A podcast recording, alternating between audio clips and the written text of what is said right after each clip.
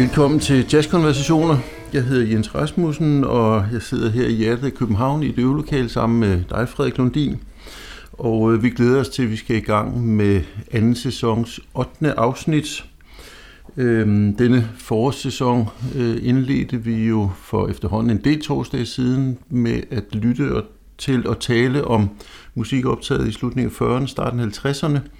Og så har vi jo langsomt bevæget os op gennem 50'erne og 60'erne, og øh, i dag er vi nået til musik øh, indspillet 1970, på et tidspunkt, hvor der jo sker temmelig mange, temmelig skældsættende ting i jazzen.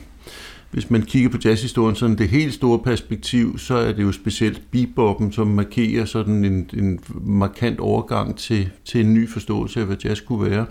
Og så op i, i 60'erne, og specielt lige omkring 1970, der sker igen nogle, nogle sådan ret nye, gennemgribende ting, som øh, fik stor indflydelse på, hvordan man kunne spille jazz efterfølgende, og øh, fik også indflydelse på, hvordan man tænkte, altså hvad, hvad jazz var, og måske også, hvad jazz ikke var.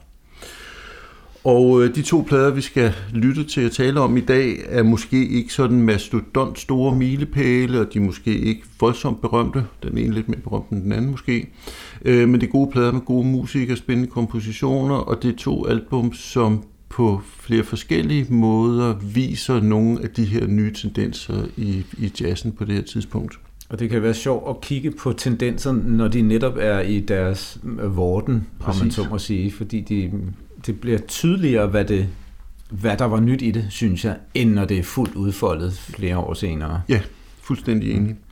Øh, og den første af de to albums, vi ser her og snakker om, det er jo øh, pianisten, keyboardspilleren og komponisten Joe Savinuls plade betitlet Savinul.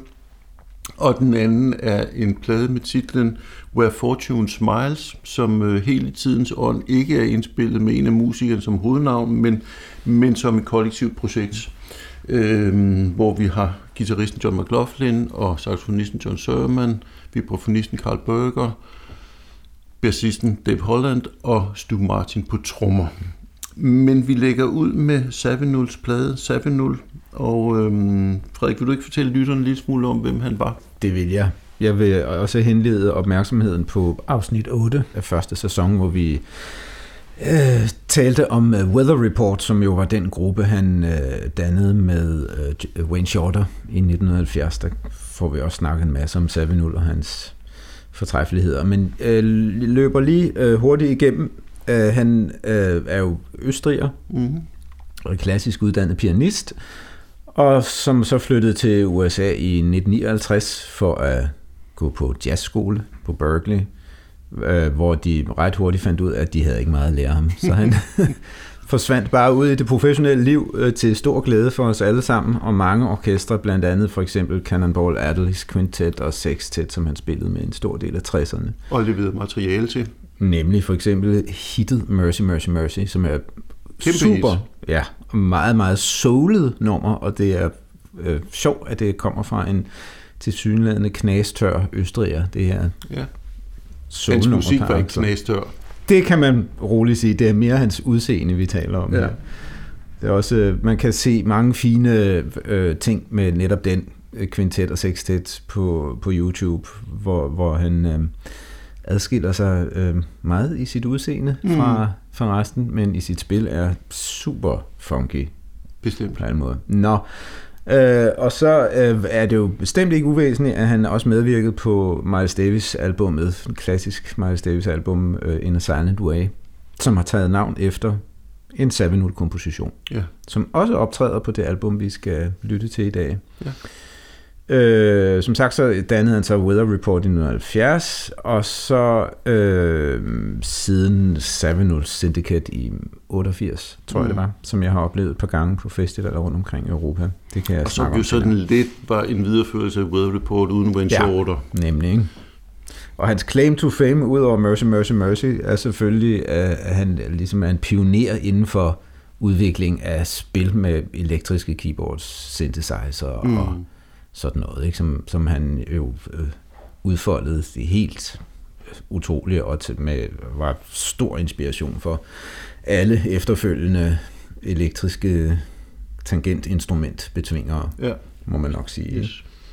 Øh, hvad indgår hans engagement hos, hos Miles Davis, det jeg synes jeg måske også lige, man skal nævne. For det første, han var med på, på han var ikke med, med i hans faste gruppe, han var med på In the Silent Way, som du sagde, og mm. Bitches Blue, som jo er meget vigtig. Mm. meget markant Miles Davis udgivelse. Uh, ja. øh, og så er der faktisk en, en del numre, som blev optaget på den her periode, som blev udgivet lidt senere. Altså noget kom på den, det album, som hed Big Fun, og noget kom vist nok først på Get Up With It, og noget blev udgivet senere. Mm. Øh, men der er en del ret interessante, nyskabende Miles Davis ting studieting fra den her periode, hvor Savin er med, og hvor han også leverede materiale. Mm.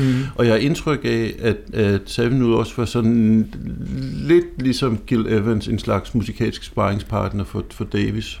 Det kunne man i hvert fald godt tro, når man lytter til det nummer, som vi om lidt skal lytte til, fordi der er meget den samme øhm, øh, evner for klangmaleri og sådan længere forløb, der udvikler sig langsomt og med god tid ja. og sådan noget, ikke? Som, som Miles Davis også var glad for i Præcis. på den tid. Der. Ja. En enkelt lille ting, før vi hører første eksempel. Ja. Øhm, Savinul er enormt berømt for det, du har nævnt, og, og den her plade står, tror jeg, for mange som sådan den første sådan egentlige Savinul-plade. Mm. Jeg synes, det er værd at nævne, at der er en rigtig god trioplade tilbage fra 1959, og der er en plade fra 66, som hedder Money in the Pocket, hvor han blandt andet spiller sammen med Blue Mitchell og Joe Henderson. Mm. Og der er en ret interessant plade i hans navn fra 68, som hedder The Rise and the Fall of the Third Stream, som har en sådan lidt bemærkelsesværdig besætning, fordi det udover ham selv er tenor, trompet og rytmegruppe, og så øh, nogle stryger, ikke violiner, men tre bratcher og, og cello, mm. som han har skrevet øh, ret begavede arrangementer for. Øhm, og nu er vi i gang i øvrigt en, en, øh, måske ikke særlig nyskabende, men ret charmerende øh, plade med øh, Ben Webster. Ja. Soulmates. Hvad er den fra 63, 62, 63, sådan noget det er omkring. Helt traditionel jazz-album. Yeah. Ikke så meget pjat, men, men virkelig god stemning. Præcis. Spiller rigtig godt. Yeah. Skal jeg lige nævne, hvem der er med på øhm, Savinul, inden vi hører det? Ja, det synes jeg, du skal. I al hast, fordi øh, det, der er øh, en af de sjove ting ved det her, og som også minder lidt om de samtidige Miles Davis albums, vi har hørt før. Der er dobbelt op på mange instrumenter. Dobbelt op på keyboards. Herbie Hancock er den anden øh, keyboardspiller. Der er lidt nogle forskellige blæser med, blandt andet Woody Shaw på trompet. Et par saxonister. Øh, to bassister, kontrabassister. Og to tromslager og en øh, percussionist. Mm der sker noget med, med lydbilledet, når der er så mange omkring. Ja, og der sker noget med musikalsk interaktion, når, ja. når der ligesom er, er flere, der har samme rolle, ja. eller øh, altså i hvert fald kunne have samme rolle, hvis ikke det var noget, man forholdt sig til øh, mm. i produktionen. Jeg tror, at lytteren skal høre lidt musik, ja. og øh, vi har jo valgt øh, kun at spille uddrag fra et nummer, og det er jo fordi, at noget af det, der er karakteristisk ved øh, det nye i musikken på det tidspunkt, det er, at man i højere grad, end man tidligere har gjort, begynder at lave forholdsvis lange forløb, som ændrer sig i forskellige retninger undervejs. Altså som udgør så nogle længere, ikke nødvendigvis svider, men sådan længere musikalske forløb. Øhm, så vi har taget det første nummer på pladen, som hedder Dr. Honoris Causa, og vi vil lægge ud med simpelthen at spille åbningen. Det er kun en 30-40 sekunder. Mm. Men øh, de allerførste klange på den her plade lyder som følger her.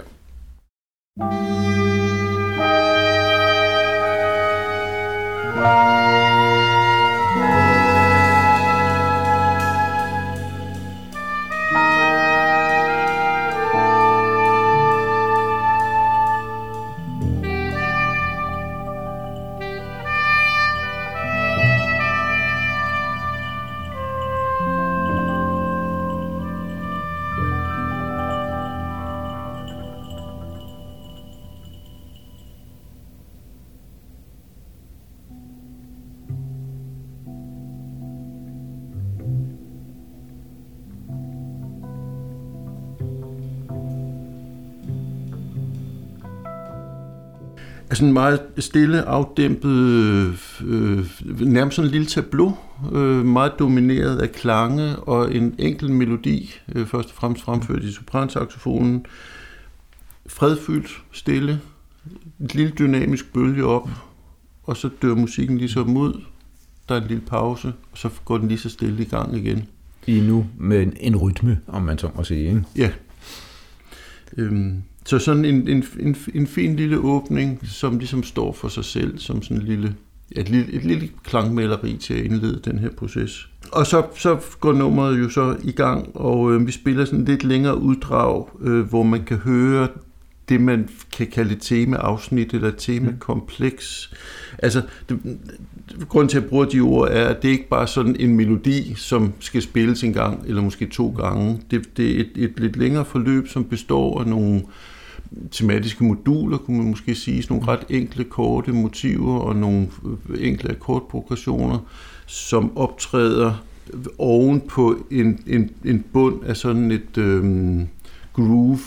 Altså vi har ligesom en rytmegruppe, som mm. ligger under øh, og danner bund, og så har vi de her sådan tema-elementer, som optræder successivt efter hinanden. Giver det mening, Frederik? Det giver totalt mening. Jeg sidder og øh, skal lige tjekke noget her øh, omkring øh, årstal. Fordi denne her minder mig nemlig øh, meget i stemning øh, om et øh, Miles Davis nummer, der hedder Circle in the Round, og jeg forsøger fortvivlet at finde ud af, hvornår det er indspillet. December 68. Det er simpelthen, selvfølgelig det vidste du ikke. Det er øh, med andre ord cirka to år før det her. Der er meget samme øh, stemning i det. Ja synes jeg. For, øh, netop fordi det her tema, som vi nu vil høre lige om lidt, øh, kommer igen. Ja. I, og skillige gange bliver det spillet med afsnit af improvisation eller blot stemning, ja. så kommer de igen. Ja. Super relevant sammenligning. Mm. Jeg tror ikke, Null er med, og det der blev ikke... Nej, ikke på Circle in the Round. Nej, nej. Øh, og det blev først udgivet senere, ja. og efter sine var Miles ikke særlig begejstret i første omgang, mm. men man kan sagtens forestille sig, at han alligevel har spillet det for Null. Ja. Øhm, så det kunne sagtens være, at Null har hørt det, selvom der ikke er særlig mange andre, der har hørt det på det tidspunkt.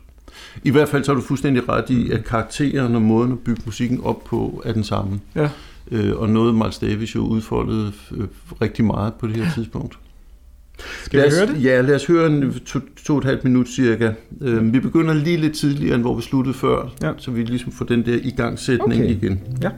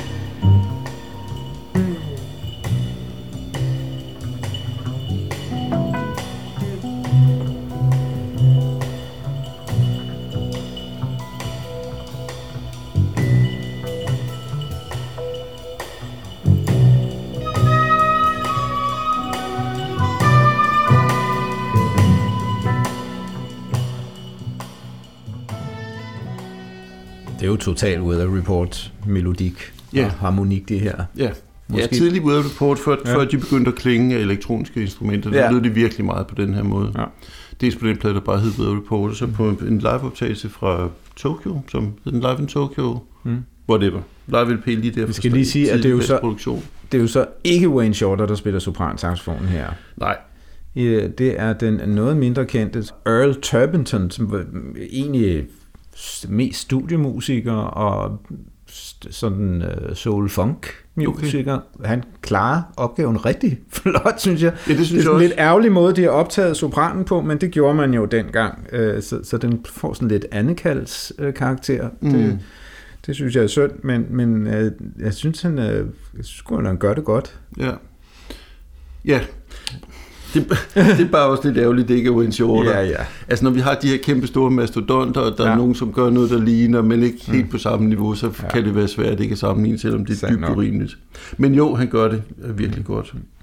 Øh, noget af det, der er karakteristisk for den her musik, og for Miles Davis musik på det tidspunkt, mm. og, og mange andre sådan, de der nye dagsordenssættende musikere på det her tidspunkt, er jo på den ene side de kollektive passager, altså de passager, hvor der hverken er en solist eller et tema. Der, det er virkelig udtalt hos Miles Davis på, på nogle af hans plader. Mm. Men hvor vi har ret mange musikere, som bare i godsøjne groover ja. men uden at der er en hovedperson. Øhm, og det, det er der jo en del passager af her. Ja. Noget andet, som er karakteristisk og relativt nyt i, i jazzen, er jo den udtalte brug af dynamik. Altså dynamik handler jo om forskellen på noget svagt og noget kraftigt, og ja. alting midt imellem. Og man har selvfølgelig dyrket det utrolig meget big band musikken. Altså når, ja. når, når jazzmusik er ret arrangeret, så, kan man, så har der mange eksempler på dynamik. Ja. Men det vi kalder combo jazzen, altså de her lidt mindre grupper, der er utrolig mange eksempler på, at der næsten ikke er dynamisk udvikling i løbet af et nummer. Eller, eller også er det typisk, øh, en solist starter lidt nede, og så bliver det mere og mere frenetisk. Bum, ny solist, ned og start forfra. Ja. Som kan være en lidt træt formular at høre på, ja. nu om dagen i hvert fald. Og jeg vil sige, selv i 50'erne og 60'erne, eller selv det der var faktisk relativt sjældent i 50'erne og 60'erne. Mm. Altså, der er eksempler på det, men det, det bliver langt mere udtalt senere hen. Øhm. Jeg vil sige faktisk, Miles netop var, uh, Miles Davis netop var et eksempel på, at man kunne uh, arbejde lidt med dynamikken i, da han, i hans grupper, i akustiske grupper i 60'erne, hvor formularen meget ofte var, at han startede, og så byggede op, og så fortsatte mm. typisk uh, enten George Coleman eller Wayne Shorter fra det niveau, der var bygget op. Ja. Det vil sige, at man ikke fik den der, øh, som vi kalder det, fiskeform, altså fra svag til kraftigt for hver eneste solist, men at der var en længere mm. øh, udvikling. Så typisk kom Herbie Hancock så efter Wayne Shorter, og så blev det hele opløst helt igen der i starten af mm. klaversolen. Det var, hørte man også. Det var lidt smart og nyt ja. øh, på tiden, yes. apropos dynamik. Ja, ja bestemt. Ja. Øhm, ja, men øh, vi springer videre. Vi, vi er jo samme forløb, og øhm, det, det her, jeg kaldte det temakompleks før, det, det er lidt længere, og så kommer trompetisten øh, Woody Shaw ind og, og er, får sådan en hovedrolle og spiller, mm. spiller trompetsolo. Og øh, jeg tror, vi besluttet at komme ind i slutningen af Woody Shaws øh, solo, og så kan vi høre, hvordan temaet dukker op igen, mm. eller nogle af de her temaelementer. Øh, og jeg nævner lige igen for lytteren, de her dobbeltbesætninger, altså vi har to keyboards, vi har to bassister, vi har to tromslager og en percussionist samtidig. Mm. Øhm, så det kan man måske med fordel lige prøve at have et øre på, hvordan de her dobbeltbesætninger fungerer i, i, øh, i musikken. Ja. Lad os lytte på det. Gør vi.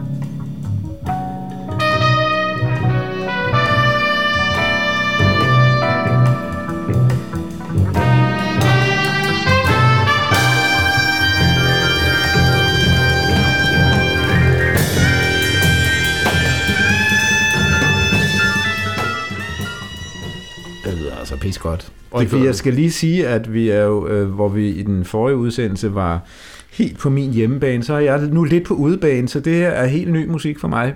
Og, og jeg er meget glad for at uh, være blevet præsenteret for mm. det her album. Uh, vi hørte lige her Woody Shaw, som jo ellers ikke er kendt for at, at færdes sådan så meget i de her universer. Uh, er sådan en moderne bebop-trompetist mm. ud af, hvad skal vi kalde det, Clifford Brown, Freddie Hubbard-skolen, men udviklet et, øh, et, et mere harmonisk avanceret øh, spil, end altså man kunne sige, at han tog Freddie Hubbard videre, mm. øh, øh, og er utrolig meget en øh, trompetisternes trompetist. Alle jazz-trompetister synes, at, at Woody Shaw er fantastisk, fordi han, han fandt en melodisk, harmonisk, moderne måde at, at spille moderne bebop på, som, mm. som er blevet meget øhm, efterlignet i det omfang, man har teknikken til det, ja, fordi det er ret, øh, det er ret teknisk brilliant mm. spiller også. Ja at det første uddrag, vi hørte, det var jo meget sådan roligt, afdæmpet, mm. ikke noget hastværk overhovedet, og relativt fredfyldt, og, og, og i den tid, hvor, hvor vi ikke har lyttet så, der er intensiteten jo stedet mere og mere, så der var ret meget energi og dynamik og, ja. og intensitet i, øhm, jeg tror jeg sagde intensitet to gange, men det var der også, det var der også meget af. Øhm, og den her interaktion mellem de her altså, mange musikere, to ja. bassister, to keyboardspillere, det er jo enormt øh, fascinerende, når det fungerer. Ja. Det er en svær disciplin, og det var ja. nyt på det her tidspunkt. Jeg synes, de gør det rigtig godt her. Synes jeg også. Øhm, bassisterne er påfaldende langt fremme i lydbilledet, og, og ja. fylder ret meget begge to. Ja. På godt og ondt, ikke? Men ja. Men mest det, på godt lige her i hvert ja. fald. Altså, det er jo... Det, det giver jo et, et liv, simpelthen. Øhm, og vi er ude i, jeg tror ikke, vi finder nævnt nu, men det, vi er igen i et modalt univers, ikke, hvor mm. vi holder os til ligesom øh, en skala øh, i længere tid, og så skifter den til en anden, og så tilbage igen. Øh, og det giver plads til, at, at øh, især melodi- og harmoniinstrumenter kan foretage sig alt muligt øh, i form af farvelægning og som, som ellers er svær, hvis harmonierne flytter så ja, hurtigt, kan ja, man sige. Ikke? Men præcis. som også netop måske netop er nødvendig, når det er modal musik, som godt kan være lidt stillestående og, og ja. retningsløst. Ja, helt enig. Ja.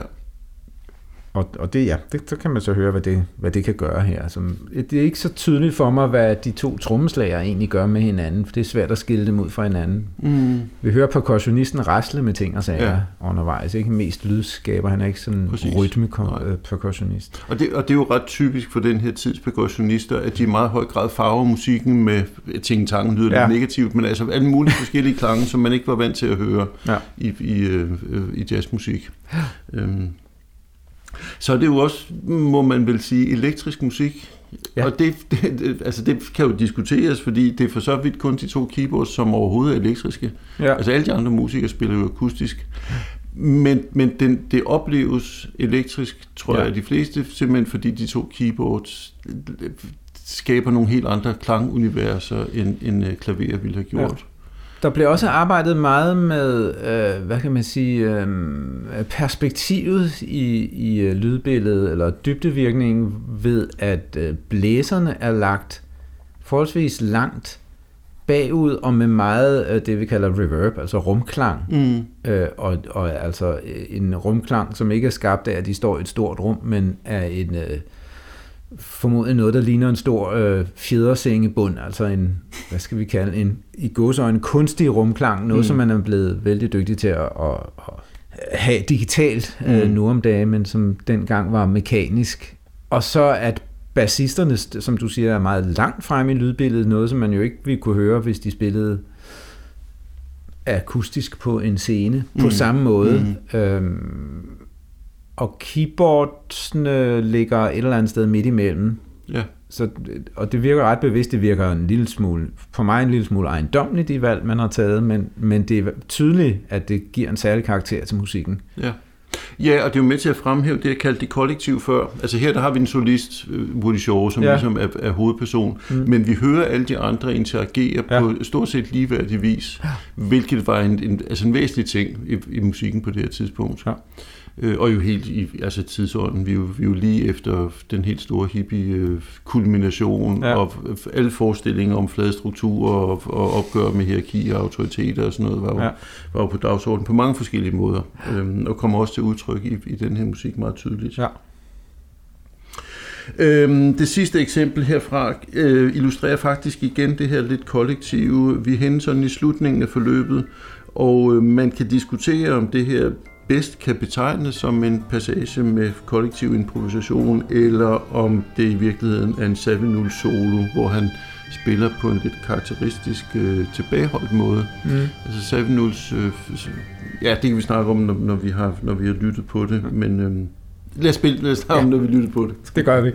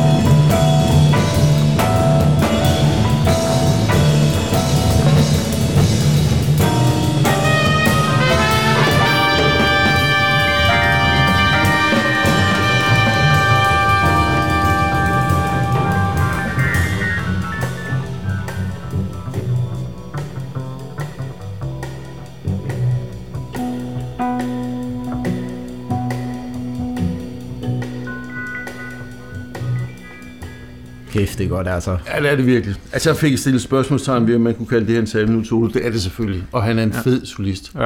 Øh, det er måske ikke det, han er mest kendt for, men han, altså, han var virkelig, virkelig god til de, den her... Altså, en solo tit karakteriseret ved, ved, ved sådan forholdsvis få ret enkle motiver, mm. som han sådan modellerer lidt om på, flytter lidt på, udvider lidt øh, mange pauser, øh, mm.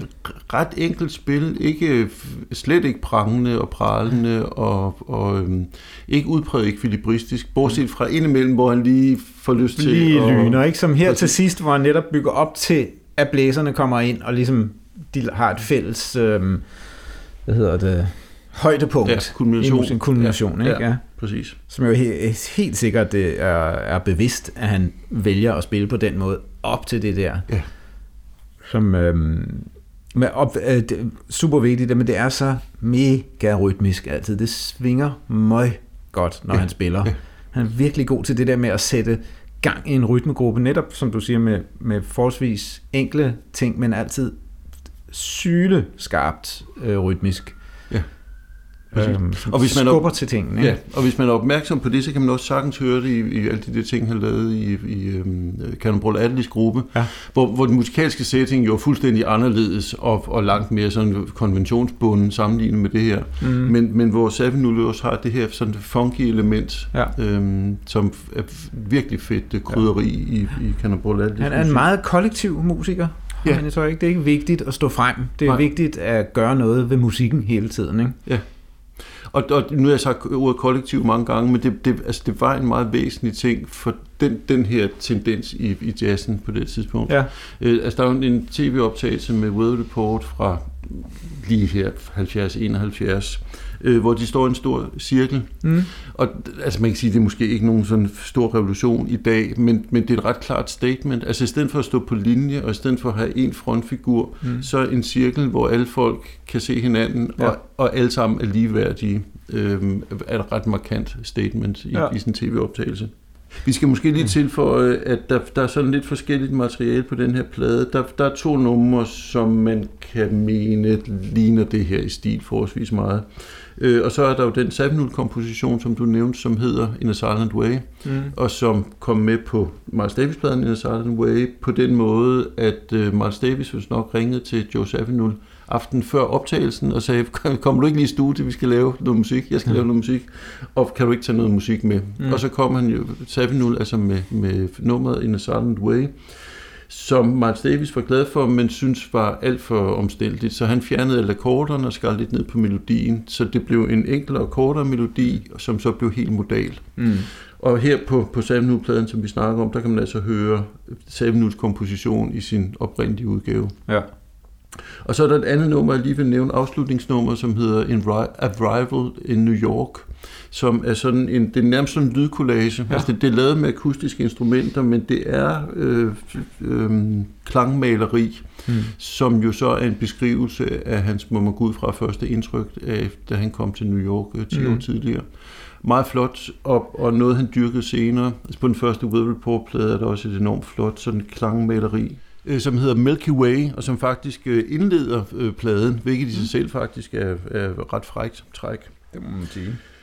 Ja, vi er nået til anbefalingerne, og øhm, da det jo er temmelig meget min boldgade, og ikke så meget din boldgade, mm. så har vi på din, øh, på din initiativ øh, aftalt, at øh, det er mig, der står for anbefalingerne i dag. Yep. Og øhm, der er meget godt at tage af. Øh, jeg har lyst til at fremhæve den plade, jeg nævnte indledningsvis, som hedder The Rise and the Fall of the Surf Stream, som er den plade, han lavede i eget navn før, øh, den vi har lyttet til her som på forskellige vis minder om den, men som øh, jo altså blandt andet bærer præg af de her strygearrangementer med, med tre øh, bratcher og, og cello. Og så synes jeg, at øh, de Miles Davis ting, han er med på i den her periode, er enormt vigtige for Miles Davis og for Win Shorter og for, og for ellers andre. øh, så In a Silent Way øh, skal nævnes øh, som en, en, en af de væsentlige Miles Davis-plader, hvor, hvor Joe Zawinul havde en, en finger med i spillet. Mm. Og øh, så startede han jo altså World Report sammen med i første omgang bassisten Musa Vitus og Wayne Shorter, og der har jeg lyst til at anbefale den første, som jeg også lige har nævnt, den der bare hedder World Report, som er noget anderledes end det, der kommer senere, blandt andet fordi den, den klang lidt af, af lidt mere sådan, øhm, jeg har lyst til at sige grumset, det lyder negativt, mm. men den er ikke, den er ikke så, så klar og ren i lyden, øh, som, som det bliver senere, og den har ikke, bærer ikke præget de elektriske instrumenter. Og så vil jeg anbefale den, er det den fjerde, de lavede, den der hedder Mysterious Traveler, som er et eksempel på, hvordan World Report og dermed Savinuls musik øh, øh, bevægede sig hen. Øh, som er en af de, sådan, de, de tidligere mine absolutte World Report favoritter. Mm. Så øhm, jeg, jeg tror, det, er, det skal være det.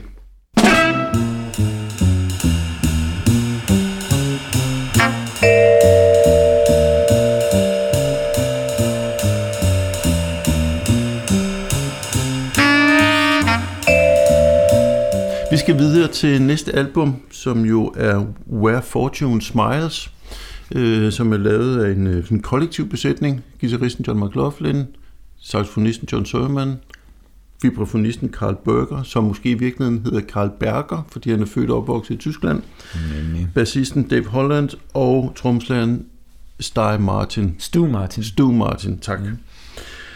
Og øhm, vi snakker lidt om musikerne sådan hen ad vejen. Øh, indledningsvis lige nogle få ord om John McLaughlin, som jo var en af den tids meget store øh, guitarister, eller blev det i hvert fald meget mm. hurtigt efter.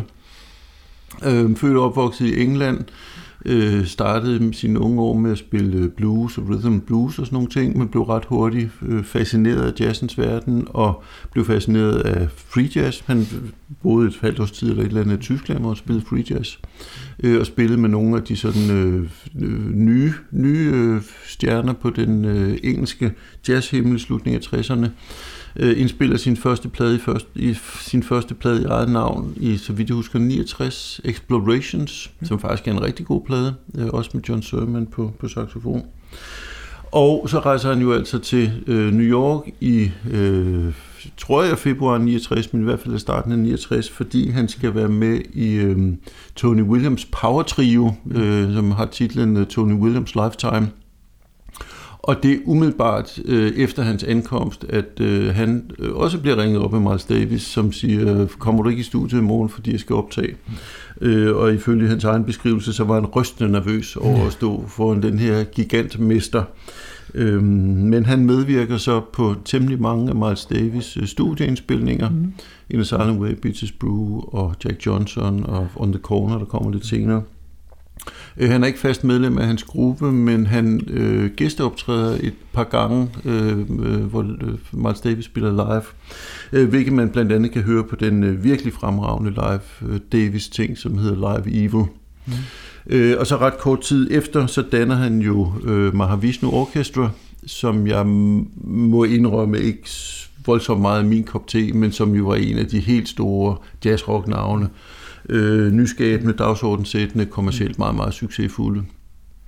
Øh, men her tilbage i slutningen af 60'erne, altså 69 70, øh, var øh, McLaughlin øh, temmelig meget orienteret mod, mod den, den sådan frie, eksperimenterende jazz, samtidig med, at han jo kom med, med, med noget, noget rockudtryk i mm. hans øh, spillestil. Ja, altså, øh, jeg vil lige, øh, der var jo, det var jo øh, noget nyt, som vel også kom ud af, nå ja, Jimi Hendrix, ikke? at øh, det at, at sætte strøm til gitaren at gøre det på den måde. Det var ikke noget nyt at spille el, elforstærket guitar, der gjorde Charlie Christian jo helt tilbage i 40'erne. 40'erne ikke? Men at, at have det her, kan man, altså en, et klangligt udtryk ja. og en ekspressionisme, som kom fra rocken. Præcis. altså det, det at udnytte ja. den elektriske ja. guitars klanglige muligheder på samme måde, som, som beat og rock guitaristen havde gjort, ja. det var nyt i jazzen på det her tidspunkt. Ja, hvem var der ellers? Larry Coryell, vel? Ja, samtidig, som ikke? Som også, øhm, ja. Og som jo, på, ligesom McLaughlin var utrolig virtuos. Det var også ja, en del af, de var ja. vanvittigt dygtige. Man nævner tit uh, Gary Burton-pladen Duster, som hvis nok er optaget i 67, som et af de sådan, første eksempler på, mm. hvordan den, den måde at bruge guitar jazz på, det ja. Larry Coryell øhm, øh, kom frem. Ja. Godt. Det første musikeksempel, vi skal høre, det er det nummer, som hedder New Place, Old Place som øh, har en øh, ret karakteristisk temaopbygning i starten. Det er også noget, der sådan bliver en ting hos flere musikere på det tidspunkt, at man har musik, som består af nogle forskellige moduler, som mm. bliver sat ind et af gangen, som man sådan langsomt bygger op. Og de alle sammen spiller nogle forholdsvis enkle ting, men det giver en samlet set en rimelig kompleks øh, øh, rytmisk øh, konstruktion. Ja. Øh, så vi hører lige tema præsentationen her, så fader vi ud, så fader vi ind lidt senere, så vi kører, hvordan, øh, hvor nummeret udvikler sig hen, og vi hører øh, John McLaughlin på øh, elektrisk guitar på, øh, med rimelig fuld udblæsning. Yep.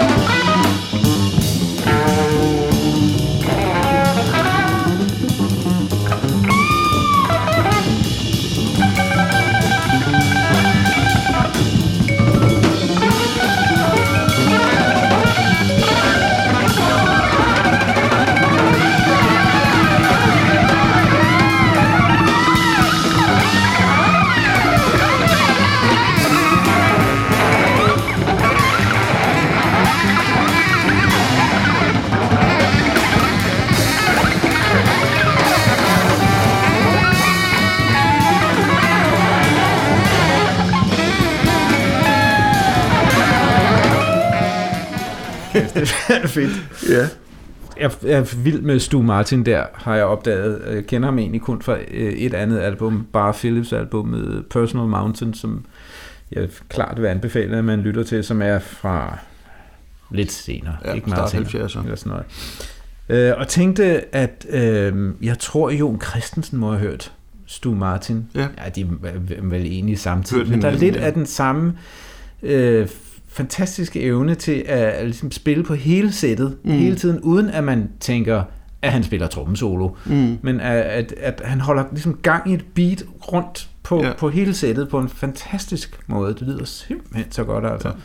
Jeg minder mig også meget om den tromslærer, der hedder Barry Altschulz, Ja. som, som ofte spillede sådan lidt mere øh, udsyret free jazz, øh, og ikke havde sådan den, det, det rock-element, som også lidt er i Martins spil, mm. øh, men som også har den, den sådan lette, øh, ja. Lidt løse øh, tilgang til tromspil, som er super fed. Ja. Øh, og så illustrerer det her eksempel jo både, at free jazz og jazzrock øh, bestemt ikke øh, altid var modsætninger, mm. Men sagtens kunne være del af den samme pakke. Øh, og inspirationen fra de samtidige rockguitarister er jo også virkelig tydelig her. Mm. Øhm, I, mest i lyden, vil jeg sige. Nok ikke så meget i tonevalget. nej, nej, men både Mm. lyden og altså dyrkelsen af det her sådan ja, flippede syre, ville man kalde Mm. det dengang, ikke? Ja. Øhm, var der også meget af i, i beat rock musikken. Det er selvfølgelig sidste, rigtigt, ja. sidste 60'erne. Ja. Øh, men der er jo meget forskellig musik på den her plade. Der er også noget meget smuk, afdæmpet, poetisk musik. Øh, der er et nummer, som hedder Earthbound Hearts, som øh, viser en helt anden side af det her musikalske univers. Øh, og der hører vi øh, dels John McLaughlin, men øh, ikke mindst øh, saxofonisten John Sermon, som, På øh, bariton saxofon. på bariton saxofon, ja, som vi skal snakke lidt om. Men øh, det kan være, at lytteren lige skal høre begyndelsen af nummeret, før vi snakker om ham. Det siger vi. Det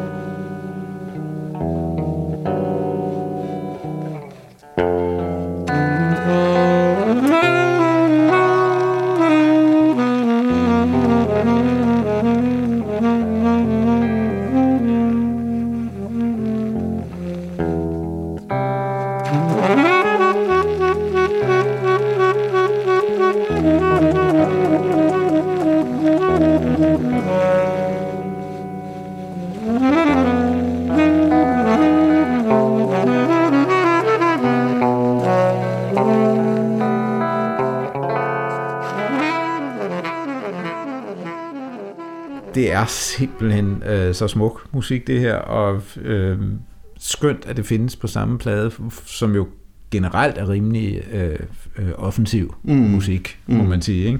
Enig. som vi vil komme til at komme, kommer til at høre i, i tredje musikeksempel også. Ja. Han spiller, øh, altså John Sermon der er jo efter min mening, øh, og men det kan godt være, at det bare er mig, øh, totalt underrated som, Mm. som øh, musiker. Han spiller fuldstændig fremragende Ja. på altså langt mere interessant end mange øh, samtidige øh, amerikanske instrumentkolleger, både på sopran og, og bariton, har fantastisk klang på begge instrumenter. Nu har vi ikke hørt ham på sopran endnu, det kommer til næste nummer. Mm. Og også på basklarinet virkelig, virkelig ja. øh, god. Altså lavet basklarinetten til et øh, øh, solistinstrument, som, øh, og på en helt anden måde end Dolphy mm. i øvrigt, øh, men, men på en måde, som, som man som, så det fremtræder ikke bare som interessant øh, øh, klangligt, men, men, men virkelig øh, på alle måder ja. godt, stærkt, stærkt melodisk øh, instrument. Og her er han jo ude over registret for baritonen også, starter med at spille det, som man normalt ikke gør på en bariton, det jeg kalder flageoletter, som mm. er ligesom ja. uden for det øh, naturlige register på, på en, og på en meget, meget smuk måde. Ja. Altså jeg må også med skam melde, at, at han er sådan en, der altid har været der, og jeg har selvfølgelig hørt nogle plader, hvor han var med, men jeg har ikke rigtig været opmærksom på, hvor mm. fremragende han er før, før sådan de senere år. Øhm, der, altså på det her nummer, der kan vi jo høre sådan en, en, en sådan sart, sådan skrøbelig kvalitet i hans ja. musik, som er virkelig rørende og, og fin og god.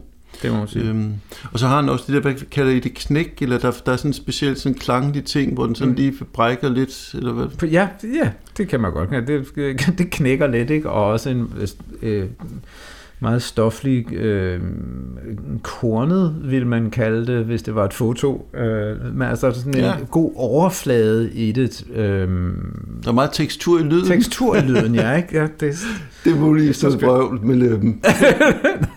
Nej, jeg synes, det er fint. Det er, han, er, han er simpelthen skøn, må ja. jeg sige. Jeg skal, jeg skal også have rykket mig selv op øh, og høre noget mere John Sermon efter det her. Det er helt tydeligt. Yes. Øh, og vi hører ham jo også på det, på det næste nummer, ja. som er det første på pladen, som jeg altså også synes er virkelig fedt. Ja. Øhm, vi tager begyndelsen af nummeret, som er for temaet, og så hører vi begyndelsen af Karl Berger, som måske hedder Karl Bergers mm. øh, vibrafonsolo. Mm. Så tillader vi os fade lidt ud, og så hører vi John Sermon igen på sopran. Øhm, og lægger også lige mærke til Dave Holland på bas. Ja, det er altså, altså også rytmegruppen. Top fedt. Formidabel rytmegruppespil, det er det altså. Det hører vi nu.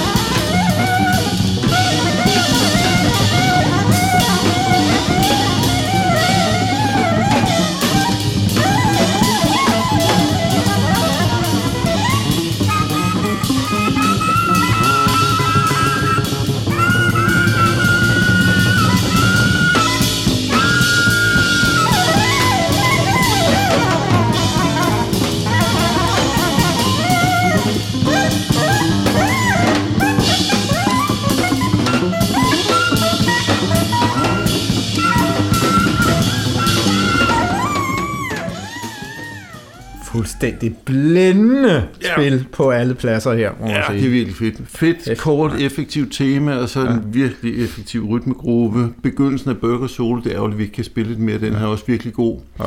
Øhm, tysk født musiker, som øhm, mest er kendt for at have spillet med nogle fremtrædende free jazz folk i slutningen af 60'erne. Øhm, Don Cherry, blandt andet. Ja. Ja. Øh, med på den Don Cherry-plade, vi har nævnt i første mm. sæson, som hedder Symphony for Improvisers. Øhm, mm. Og så er jo altså øh, Sørman her på sopransax. Øh, virkelig flot udblæsning. I sit eget tema i øvrigt. Ja. De deles lidt om, om komponist... Øhm, pladserne. Øh, pladserne her ja. er ikke øh, McLaughlin og, og Sermon. De to forrige øh, numre var af McLaughlin, og det her var så Sermon ja. komposition. Øh, jeg kommer lidt til at tænke på en anden markant øh, engelsk saxofonist, som har gjort sig markant på sopransax, mm. nemlig Evan Parker. Ja. Øh, er det ikke rigtigt, at de har nogle fællestræk?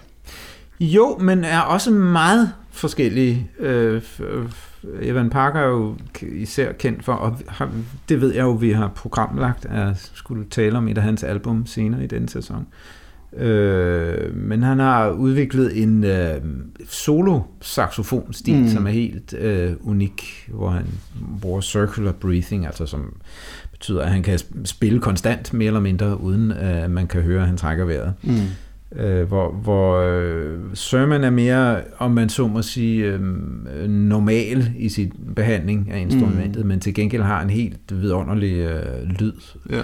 og sans for for øhm, ja, netop for klang. Ja. Og man, jeg berokkede mig over, hvordan de havde optaget sopransaxofonen i, på Savinul-albummet, vi lige har talt om.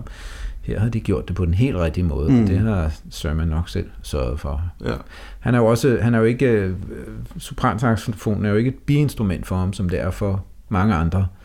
Øh, det, det er det ene af hans to eller tre hovedinstrumenter. Ja, og så spiller han stort set aldrig alt til nord, ligesom, ligesom alle de andre gør, havde han sagt. Netop, ja. øh, øh sopran og bariton ja. er, er hans to hoved. Og basklarinet også, ja. ikke? Ret ja. vigtigt, men især sopran og bariton. Ja. Så har vi jo også Dave Holland på bas, som vi skal uh, sætte ja. nogle ord på. Altså han er en af de helt store, en af mine favoritter altid. Ja. Øh, lidt anderledes end nogle af mine andre favoritter, altså for eksempel Gary Peacock og Charlie Hayden. Øh, det er sjældent, man hører Dave Holland sådan udtrykt de sådan mere sarte, poetiske, mm. sårbare øh, tider af, af det menneskelige følelsesliv. Men til gengæld så er han simpelthen så god til det her sådan præcise, håndfaste, effektive ja. spil. Ikke? Altså ja. han er virkelig øh, en powerbassist ja. på en enorm overbevisende måde. Han ligger super fedt i, i beatet. Ja. Øhm, og var jo også, altså ligesom så mange af de andre på det her tidspunkt, rejst til New York for at spille med Miles Davis. Han kom de lidt før. Mm. Jeg tror måske sommeren 68, men mm. lige lidt tidligere. Øh, var, og var fast bassist hos Miles Davis i Nordrække. Ja. Øhm, og var jo så også øh, interessant nok i forhold til det her med free jazz og jazz rock som to nye strømninger øh, med i den gruppe, der hed Circle, som han havde sammen med Chip Corea, pianisten, ja. og før nævnte øh, tromslæb Barry Alschultz hvor de spillede ret eksperimenterende free jazz. Ja. Øhm, bogstaveligt talt samtidig med, at han spillede med Miles Davis, og for eksempel indspillede den plade, vi lytter til her. Ja. Blindende god bassist. Må man sige. Sagde du engelsk, til, da du startede? Jeg sagde i hvert fald, at han øh, rejste til USA. Ja, han er, er engelsk født, ikke? Ja. Og, og vel formodentlig boede i England på det her tidspunkt, hvor det her album er optaget, muligvis. Ja, nej, han kom til USA i 68 Nå, det sagde for, du, ja. for at spille med Miles Davis, ja. Yes. Og så har han jo selv haft øh, Dave Holland Group, hed det vel, øh, og som jeg kan huske, vi var helt vilde med i i min øh, ungdom, mm. som var øh, virkelig øh, avanceret ja. musik, øh, rytmisk avanceret, øh, hvor blandt andet øh, der vi stiftede bekendtskab med den amerikanske saxofonist Steve Coleman, som mm. er, er en øh, meget spændende musiker, ja. øh, også utrolig begavet, og, mm.